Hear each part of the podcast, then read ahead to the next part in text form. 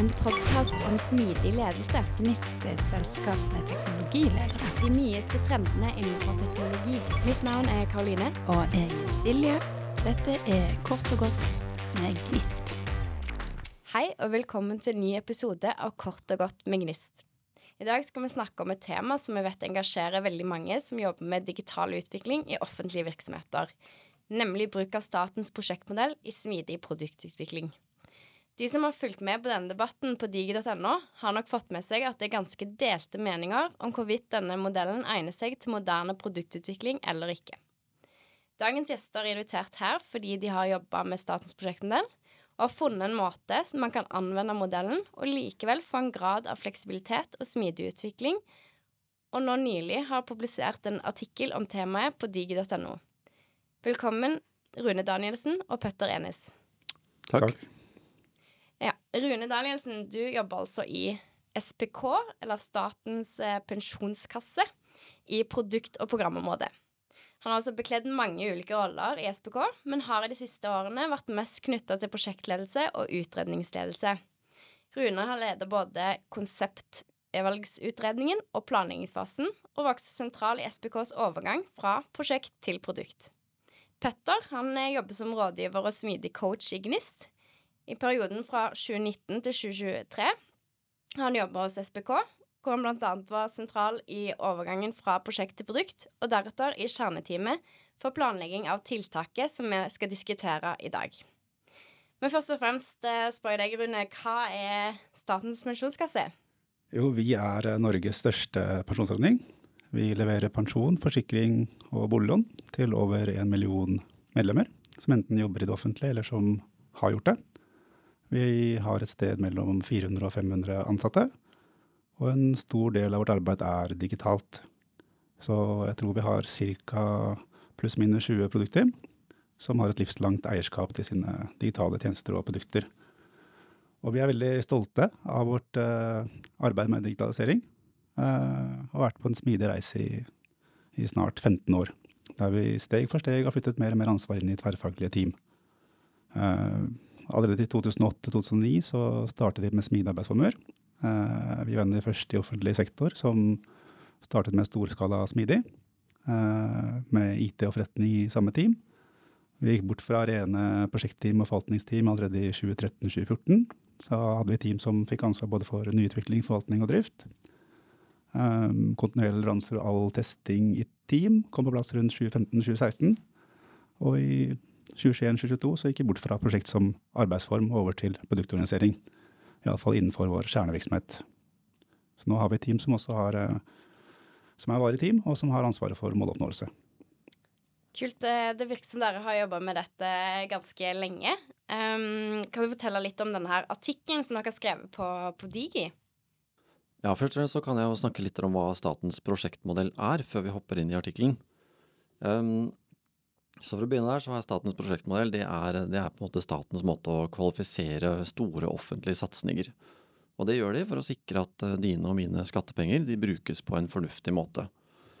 Eh, da ønsker man å velge de, altså, samfunnsøkonomiske lønnsomme satsinger og unngå feilinvesteringer. Så den uh, modellen den består av fire faser. Den består av en idéfase, en konseptfase, et forprosjekt og en gjennomføring. Um, og for å kvalifisere til å gå gjennom en sånn type uh, ordning, så må det være en uh, satsing som har en anslått kostnadsramme på over en milliard kroner. Men for digitalisering så har man satt rammen til 300 millioner. Det er rett og slett pga. kompleksiteten og usikkerheten som ligger i den type uh, tiltak. Så gitt at navnet altså er basert på en prosjektmetodikk, da, statens prosjektmodell, så har den vært velfungerende i, eh, i, bruk i lang tid. Eh, kanskje spesielt i andre bransjer som bygg og anlegg og transport. Og så ser man at det er en del utfordringer med å bruke den i digitaliseringsprosjekter eller digitaliseringsinitiativ. For det er litt andre karakteristikker som, som går igjen der. Jeg kan jo tilføye, Petter, at i januar 2020 så kom det en veileder for hvordan denne modellen skulle benyttes for digitaliseringsprosjekter.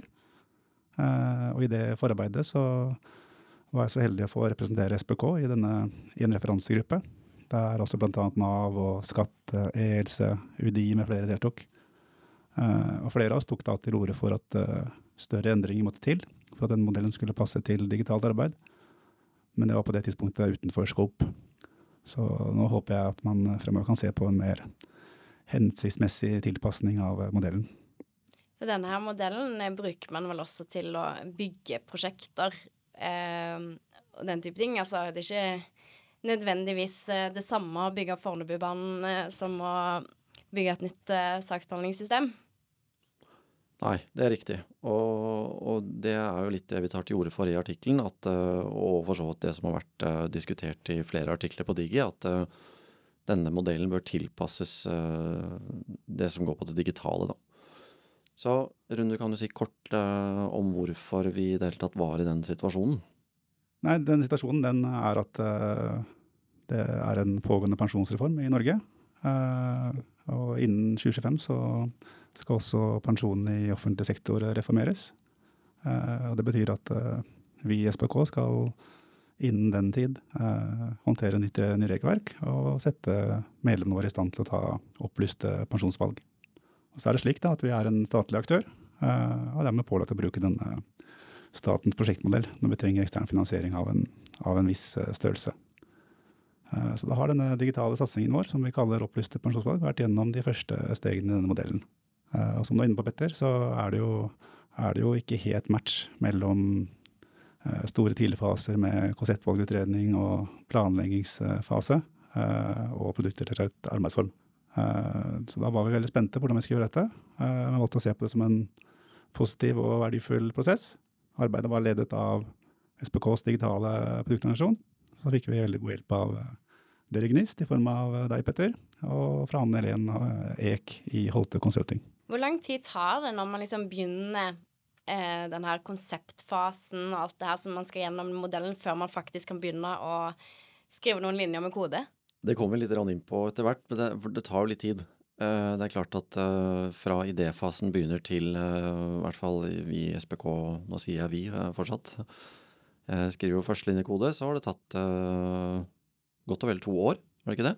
Ja, og, i der så har man jo vært gjennom de, de, fasene som vi nevnte i sted. Så det vi ønsket å gjøre med artikkelen, var jo å dele våre erfaringer med hvordan vi har tilnærmet oss eh, statens prosjektmodell i denne smidige produktutviklingsformen vi ønsker å, å, legge til rette for. Og så ønsker vi å på en måte gi et balansert syn på, på dette her i en debatt som vi opplever som noe spissformulert. Um, for vi mener fortsatt at uh, digitalt arbeid kan og bør planlegges. Um, men at man må finne riktig form å gjøre det på.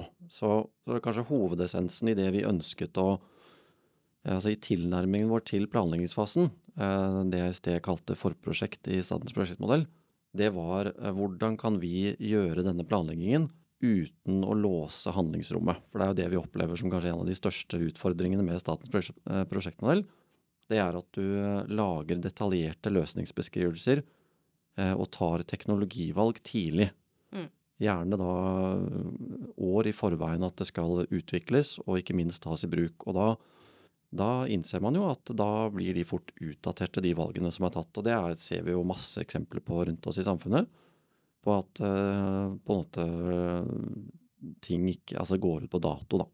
Så eh, et annet aspekt som vi ønsket å tilnærme oss, som vi ser på en utfordring fra andre steder, er jo disse faseovergangene. ikke sant? At du kanskje har en tendens til at hver fase håndteres av ulike grupperinger av mennesker.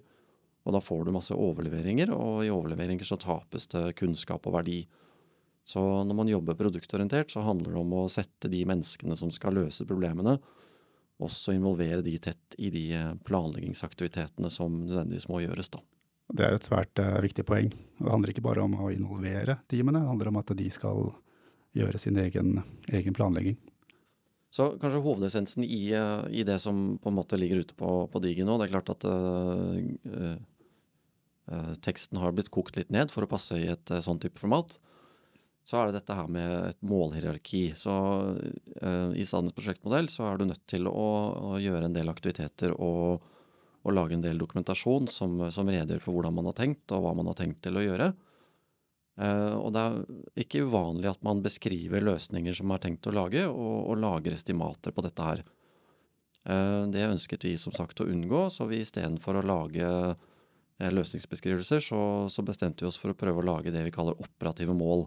Eh, I prosjektverden så kjenner de fleste til effektmål, det er på en måte det du ønsker å oppnå på sikt.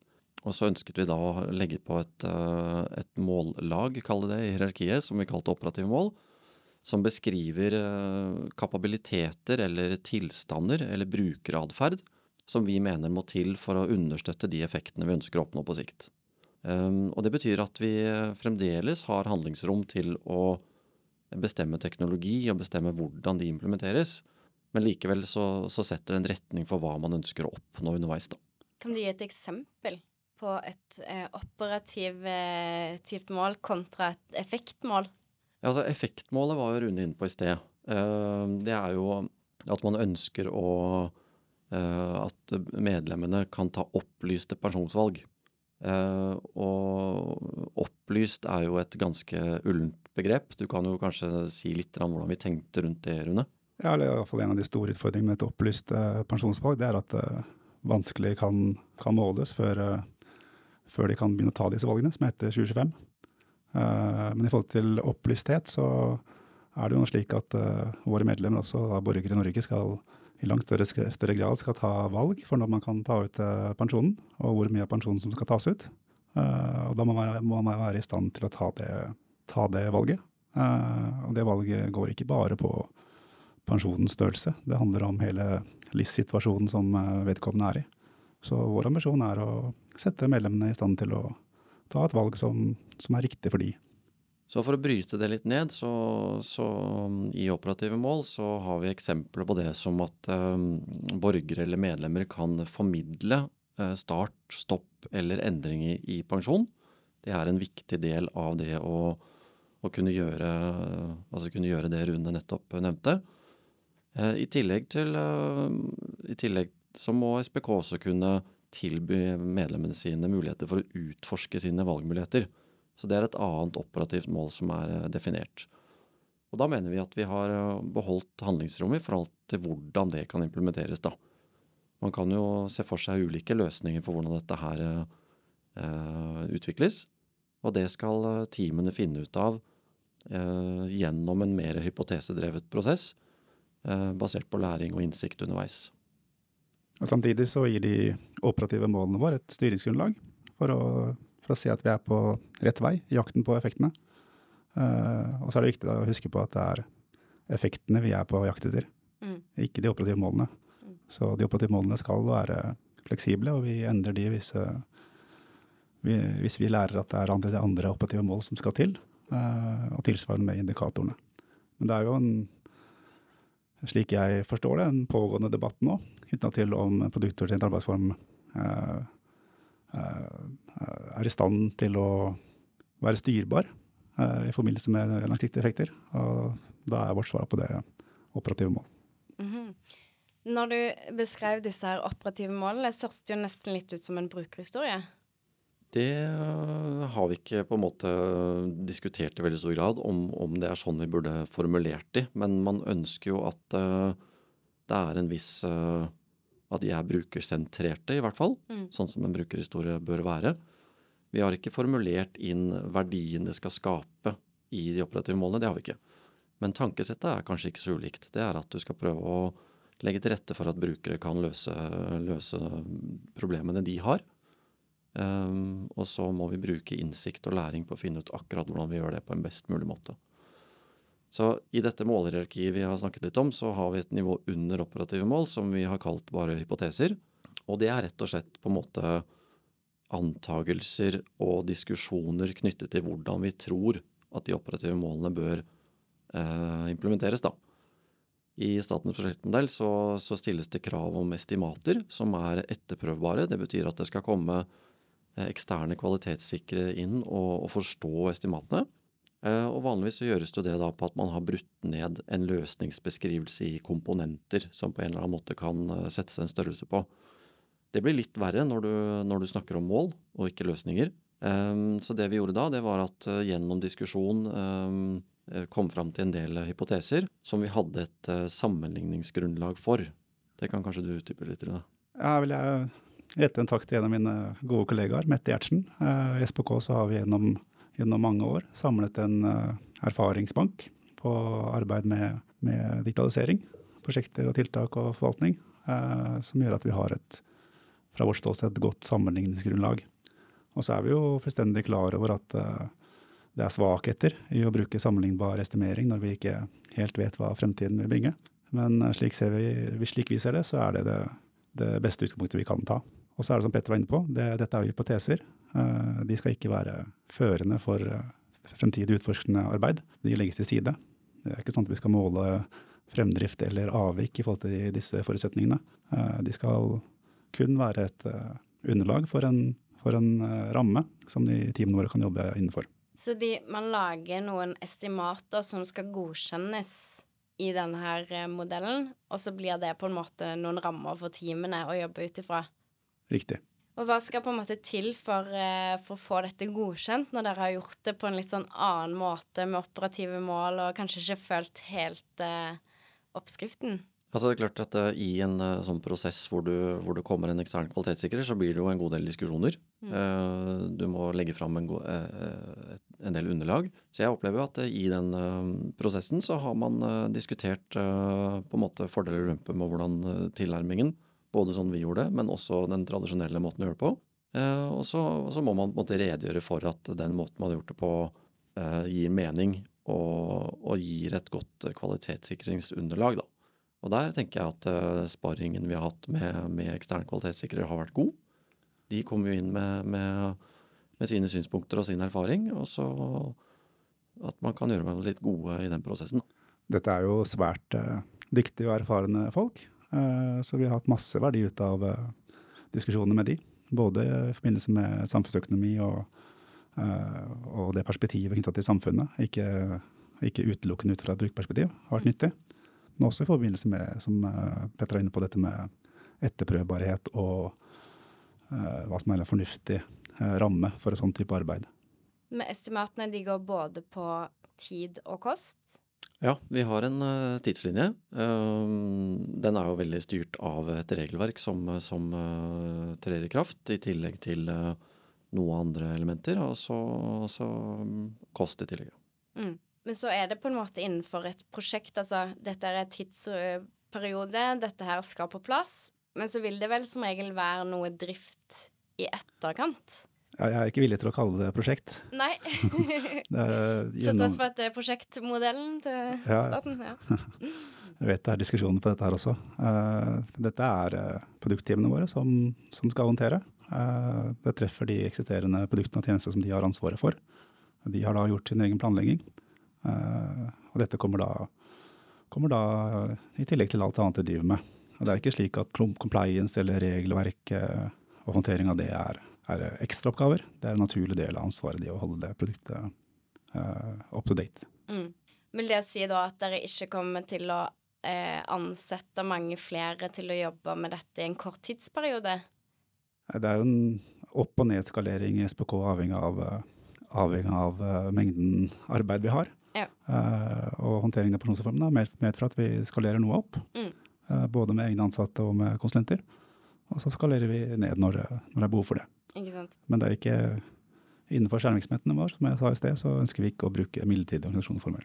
Ikke sant? Så produktene og teamene består, de bare justeres litt i, i størrelse, rett og slett. Riktig. Uh, nå har vi jo snakka kanskje litt vel negativt kanskje om statens prosjektmodell, men um, og det har kanskje prega den debatten som har gått på de i høst og vårparten òg nå. Um, har dere noe positivt å komme med?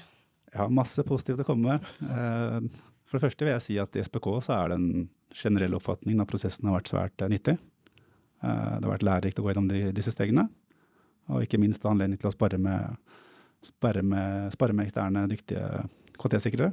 Uh, vi har fått gode råd både på styringsmodell og, og samfunnsøkonomi, jeg sa i sted. Uh, så fikk vi jo en del skryt også i dette her.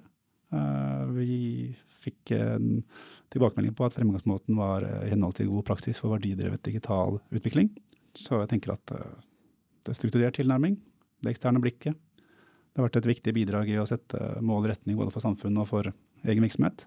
Det er åpenbart et viktig element i det å sette staten i stand til å ta fornuftige investeringsvalg. Og så sikrer det forutsigbarhet i virksomhetens egen finansiering, som også er viktig.